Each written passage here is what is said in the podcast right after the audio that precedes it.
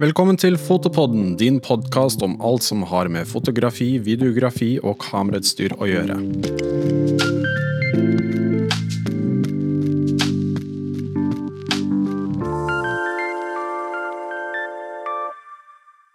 Det finnes veldig mange forskjellige størrelser på bildebrikker på kameraene. Veldig mange tror jo at selvfølgelig fullformat jo større, jo bedre. Eh, mellomformatkameraer og GFX 100 har vi snakket mye om. Vi har snakket mye om fullformatkameraer. Men i dag så skal vi gå litt grann i dybden på si Micro Four Thirds-kameraer, fullformatkameraer. Hva er største forskjellen? Hva får du ut av de forskjellige merkene osv. Og, så og med oss har vi deg, Erik. Velkommen. Takk.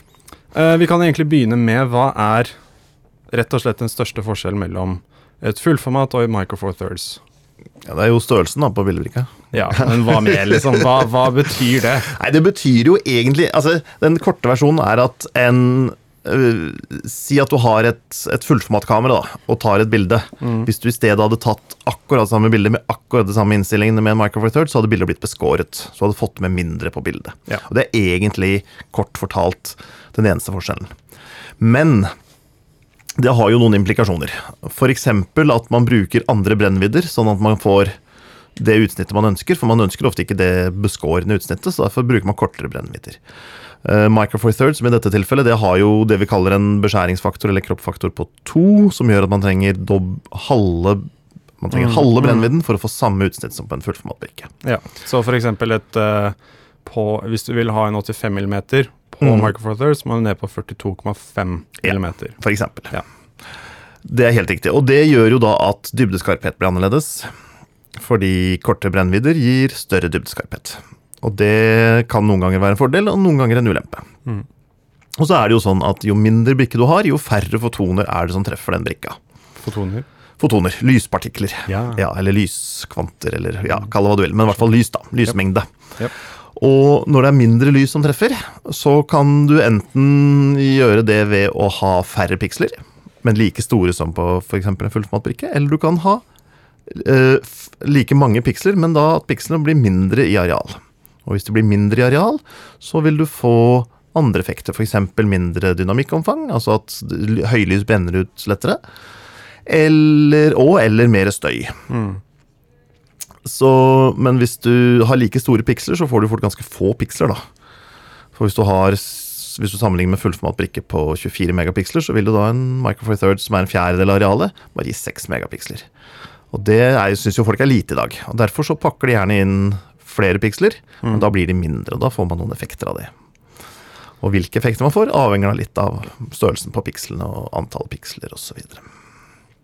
Jeg føler det er veldig mye matte akkurat nå. Ja, ja, det er nok mye matte, det er ganske teknisk. Men i praksis da, så betyr det at skal du ta bilder i ekstremt svakt lys, så vil du få mer støy med en Micro Four Thirds-brikke enn med en fullformatbrikke. Mm. Skal du ta bilde i veldig kontrastrike omgivelser, så vil du lettere brenne ut høylys, eller at det mørke går helt i svart med en Micro Four Thirds-brikke enn med en fullformatbrikke. Skjønner. Det er sånn i praksis. I tillegg, hvis du skal ta bilde med ekstremt liten dybdeskarphet og isolere motivet fra bakgrunnen, så er det lettere med en fullformatbrikke. Ja, så du kan gå nærmere, rett og slett. Ja, altså du, du, kan gå nærmere, men det endrer også dybdeskarpheten. Ja. Um, så, men hvis du endrer brennvidden, så endrer det dybdeskarpheten osv. Men i og med at du har en mindre brikke, så vil du ha en kortere Hvis alt annet er likt, så vil du ha en kortere brennvidde, og da har du større dybdeskarphet. Men noen ganger er det en fordel. Skal du ta makro, så vil du ofte ha en større dybdeskarphet. Mm. Så det, det, er litt sånn. Så kan man ha tekniske diskusjoner rundt det, og det tar jeg gjerne, men eh, det er ikke sikkert lytterne er klar for den. Så det er fordeler og ulemper med begge to. Hva er fordelene da med en mindre bildebrikke? Fordelen med en mindre bildebrikke er Det er flere ting. Det ene er jo at det er litt lettere å lage god optikk. Mm. Den forskjellen har blitt mindre det siste året, det skal sies. Men tradisjonelt så har du en fullformatbrikke, så er, nei, så er optikken sjelden skarp helt ut i hjørnene. Ja. I hvert fall på største blender. Det er en mye, mye mindre problem på Micro Four Thirds. Og det samme i senter, så er det veldig sjelden du treffer et fullformatobjektiv som er skarpest på største blender.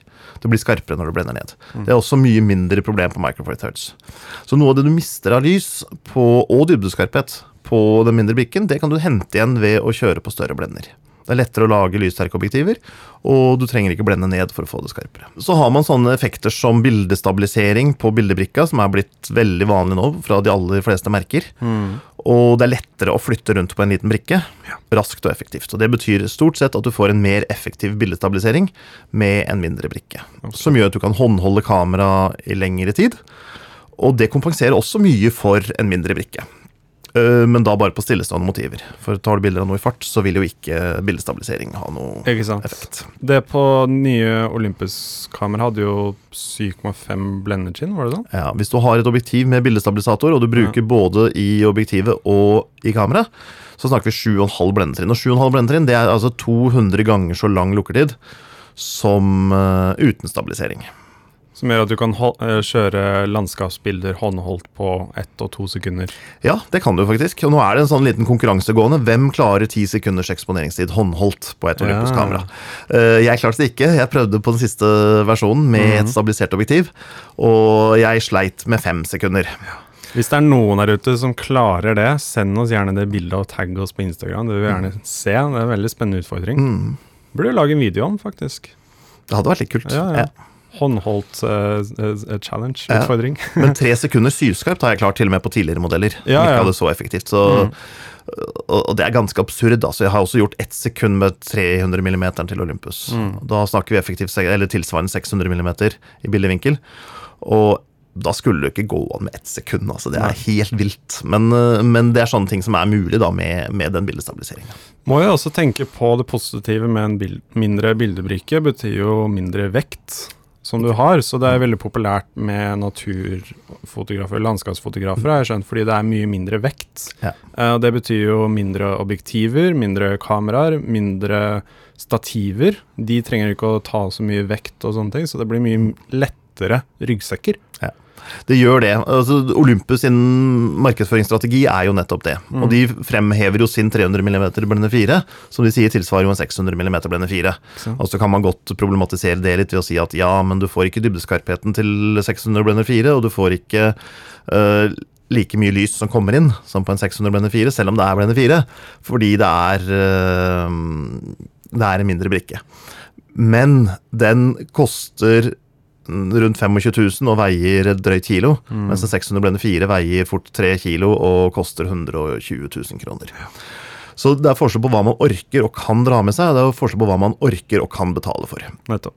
Og særlig for uh, glade hobbybrukere som gjerne tar bilder av fugl og bilder av natur, og gjerne går lange turer i fjellet, så er det ikke aktuelt å bruke flere hundre tusen kroner og bære med seg en kjempediger ryggsekk i timevis innover fjellet. Det skjønner jeg veldig godt. Ta med seg noe mye, mye mindre utstyr, og selv om det ikke alltid oppnår akkurat det samme, så vil man i de aller aller fleste tilfeller oppnå mer enn nok. Og det er jo profesjonelle fotografer som bruker dette her, så det er ikke sånn at det blir dårlig fordi det er mindre brikke. altså. Nei, nei, nei, absolutt ikke.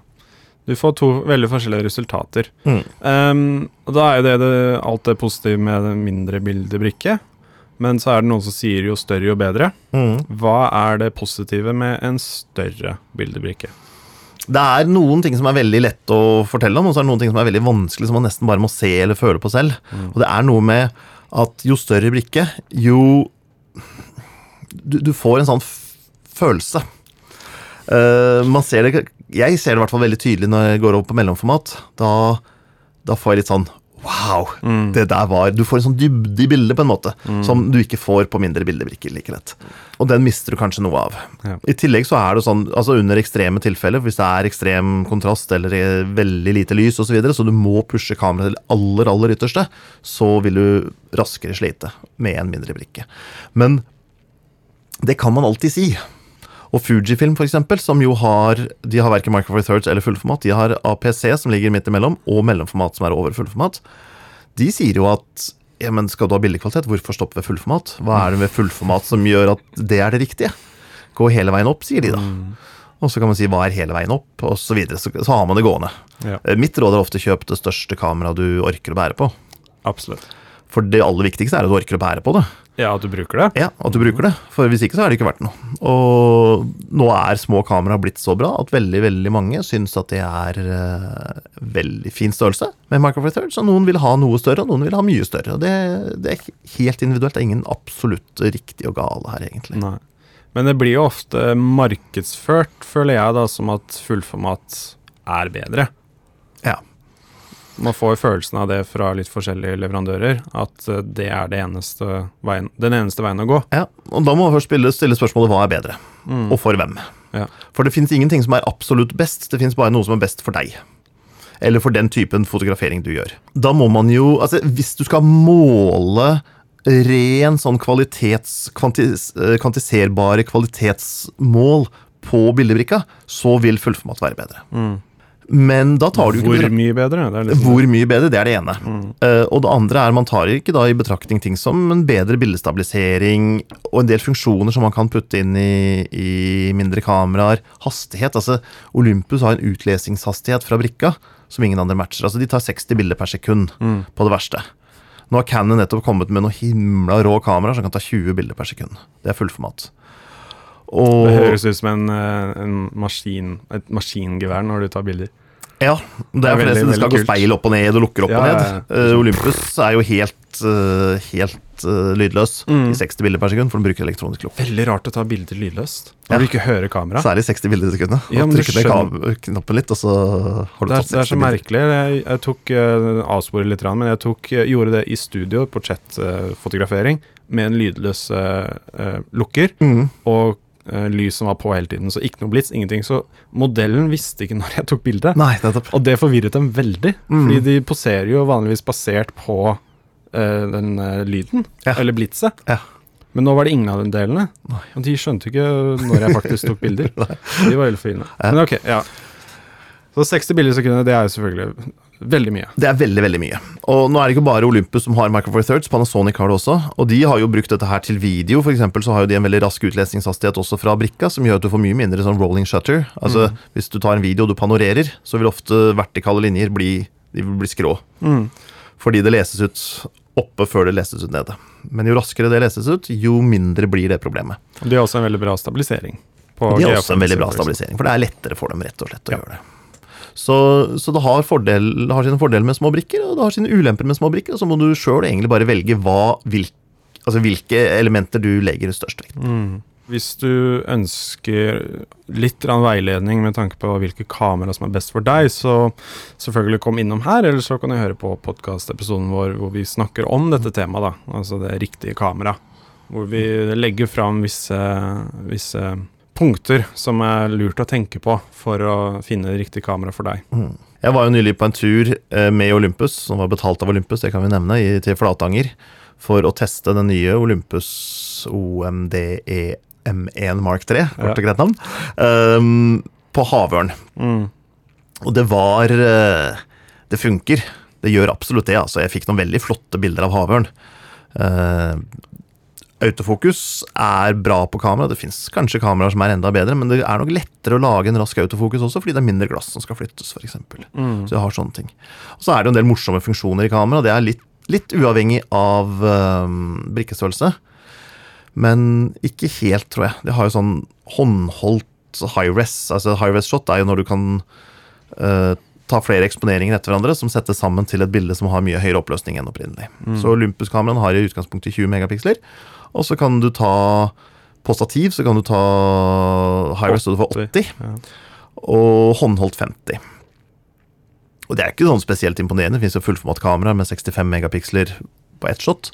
Men det som skjer når du gjør det, er jo at kamera, når den øh, får mange eksponeringer med ørlite grann forskjellig informasjon, så klarer den å se hva det er som er støy, f.eks. Og hva som er signal. Ja. Og da kan fjerne støyen veldig effektivt. Så jeg tok bilder på veldig veldig høy ISO-verdi, i praksis uten noe støy, men med alle detaljer bevart. Yes. Og det er ganske fantastisk. Så jeg satt bare og lekte meg litt med det. På ISO 6400 så var det i praksis ikke noe støy. Ingenting. Ingenting. På 50 megapiksler. Og, og det, er, det er virkelig, virkelig kult. Og igjen så er det noe som bare fungerer på stillestående motiver. Eh, og av og til så trenger man jo korte lukkertider og, og høye ISO-verdier på bevegelige motiver, og da fungerer det ikke. Men på stillestående motiver så er faktisk Micro Four Thirds eh, med sånne funksjoner er veldig, veldig bra greier. Mm. Det tror jeg på. Så, men selvfølgelig noen av fordelene med rask utlesing og sånn kommer jo på bevegelige motiver, så det er ikke alltid dette her henger sammen, så det er kompromisser. Ja. Men alt, vi må huske på at alt i foto, uansett hvilke kamera du velger, så er det kompromisser. Velger du fullformat, så blir det altså litt langsommere utlesing, du får større utstyr, du får dyrere og tyngre utstyr, øh, du har ob objektive utfordringer osv. Så, uh, så det blir, det blir alltid bare hva du sjøl Hvor du legger uh, balansen. Altså. Alltid pluss og minuser. Altid plusser og minuser. Men vi kan jo si, som vi sier veldig ofte, at du får ikke dårlig kamera lenger. Nei, Det gjør det ikke. du gjør ikke det. Eh, Du må bare finne fram til det kameraet som passer for deg, som du kan bruke mest. Mm. Og for veldig mange nå, så det er jo fortsatt folk som bruker kompaktkameraer. Av den enkle grunnen at det er enkelt å ta med seg. Mm. Eh, da slipper du liksom å pakke en ekstra bag, og du bare slenger det i vesken din, f.eks. Og de er jo eh, mye mindre igjen. Det er helt, det er helt kurante ting. Det fins jo kompaktkameraer som er så svære at de er større enn mange speilreflekser. Men, Ja, sant? Ja, ja. men uh, hvis det er det som gjør at du tar bilder, så er det det som er riktig for deg. ja absolutt. Det er egentlig ikke verre enn det, altså. Som du sier, det ikke Det, det fins ikke dårlige kameraer, og så kommer det an på hvilke type motiver du skal ta. Skal du ta sport og action, så krever det en del av autofokusen og av seriebildehastigheten, sånne ting, vanligvis. Hvis ikke du er veldig flink til å styre det sjøl. Mm. Men tar du vanlige motiver, så vil du kunne bruke omtrent alt. Ja. Og da er du nok lykkeligere av å kjøpe et billig kamera med dyr optikk, enn å kjøpe et dyrt kamera med billig optikk. Generelt så blir man lykkeligere av det. Ja, fordi la oss gå inn på det litt. Du har bildebrikken, men for å få et For å få optima, det optimale resultatet av det kameraet kan tilby, så er det jo også selvfølgelig viktig med optikken. Ja. Um, og hvor mye viktigere er som, Ja, som du sa det egentlig, men hvor mye viktigere er bra optikk enn et bra kamera? I og med at det nesten bare finnes bra kameraer i dag, så er optikken blitt veldig viktig. Ja, Um, fordi det finnes fortsatt dårlig optikk. Det fins, ja, og det blir jo mindre av den også, men noe optikk vil alltid, på grunn av altså, sin natur, være dårligere. Altså har du en superzoom Mm. eh, en 12 ti- til 300 eller noe. Ja, ikke sant? En 10 ganger zoom, eller 20 ganger zoom, Ja. så er de egentlig omtrent umulig å lage gode. Mm. Altså Rent teoretisk så er det helt andre ting du må gjøre med et objektiv for å få det bra på vidvinkel, enn å få det bra på tele. Og da lage et kamera med bra vidvinkel og lang tele er nesten umulig. Og de har fått det til utrolig bra. Jeg er kjempeimponert over hvor mye bedre de har blitt de siste sju-åtte åra. Men de er fortsatt ikke i nærheten av hva f.eks. et lyssterkt, lyssterkt fastobjektiv er. Nei. Eh, I tillegg så er det sånn at et kamerahus det kjøper du, og så bytter du det etter noen år. Objektivene de lever ofte mye mye, mye lenger. Så å putte mye penger i optikk er vanligvis en bedre investering også enn å putte det i kamerahus. Så ofte så ser man seg blind på spesifikasjoner på kamerahusene. Å, det er så mange bilder per sekund, og det er så bra autofokus, og det er så mange megapiksler, og det er så mye av alt mulig. At det er kjempegøy, og man ønsker seg det med de aller kuleste tingene, og så sparer man opp til det, og så slenger man på sånn colabunn-objektiv. Uh, Fins det som begrep forresten fortsatt? Colabunn? Det er jo bare plastflasker nå, så Jeg skjønner hva du Ja. Sånn pinhole camera. Ja, Ja. Uh, fordi man har ikke råd til noe mer. Ja. Og så sitter man der med verdens beste kamera, og så får man litt skittige bilder fordi man ikke har noe som matcher, egentlig. Og Da blir det en eh, samler du støv istedenfor på hylla. Ja, Eller du tenker at nei, dette her var ikke noe gøy, for jeg får jo ikke, blir jo ikke fornøyd med bildene mine. Det sleit jeg litt med da jeg var ung og hadde ikke råd til så veldig god optikk, og så hadde jeg kjøpt meg et svært anstendig kamera. Og så putta jeg på objektiver, særlig teleobjektiver, billige teleobjektiver, har Ja. en tendens til å være ikke gode. Og da skjønte jeg ikke hvorfor jeg drev med disse telebildene, helt til jeg kjøpte meg et ordentlig teleobjektiv en dag. Jeg husker jeg gikk fra eh, sånn her kit-objektiv på en sånn 550D, Can 550D, Mm. og så investerte jeg i en 50 mm. Den som koster 800 kroner eller noe sånt. Ja. Sånn 1.8. 51,8. Hvor utrolig mye bedre bildene ble med en gang Mm. med det objektivet Ja. Og på det kameraet. Mm. Og jeg hadde et 60D-kamera som jeg brukte i en evighet, men jeg hadde alltid 50 mm på. Ja. Og det ble bra bilder som jeg brukte til profesjonelle jobber. Mm. Uansett. Jeg bare investerte i objektiver istedenfor, som du sa. Mm. Istedenfor kamera. Og og 50 mm er veldig lett å lage bra, Mm. så de koster ikke mye. Nei. Så, så, så det er alltid en, en lur investering. Altså Hvis du kjøper deg kamera, kjøp med et et noenlunde anstendig fastobjektiv. Mm. For da, da har du mye mer å, å leke med. Altså både på dybdeskarphet og bildekvalitet og på altså i mørke forhold og alt mulig. Mm. Så fungerer det bedre. Og hvis du savner zoomen, så bare beveg på føttene. Ja. Zoom med føttene, rett og slett. ja. Det går ofte. Ja, det funker veldig fint vanligvis.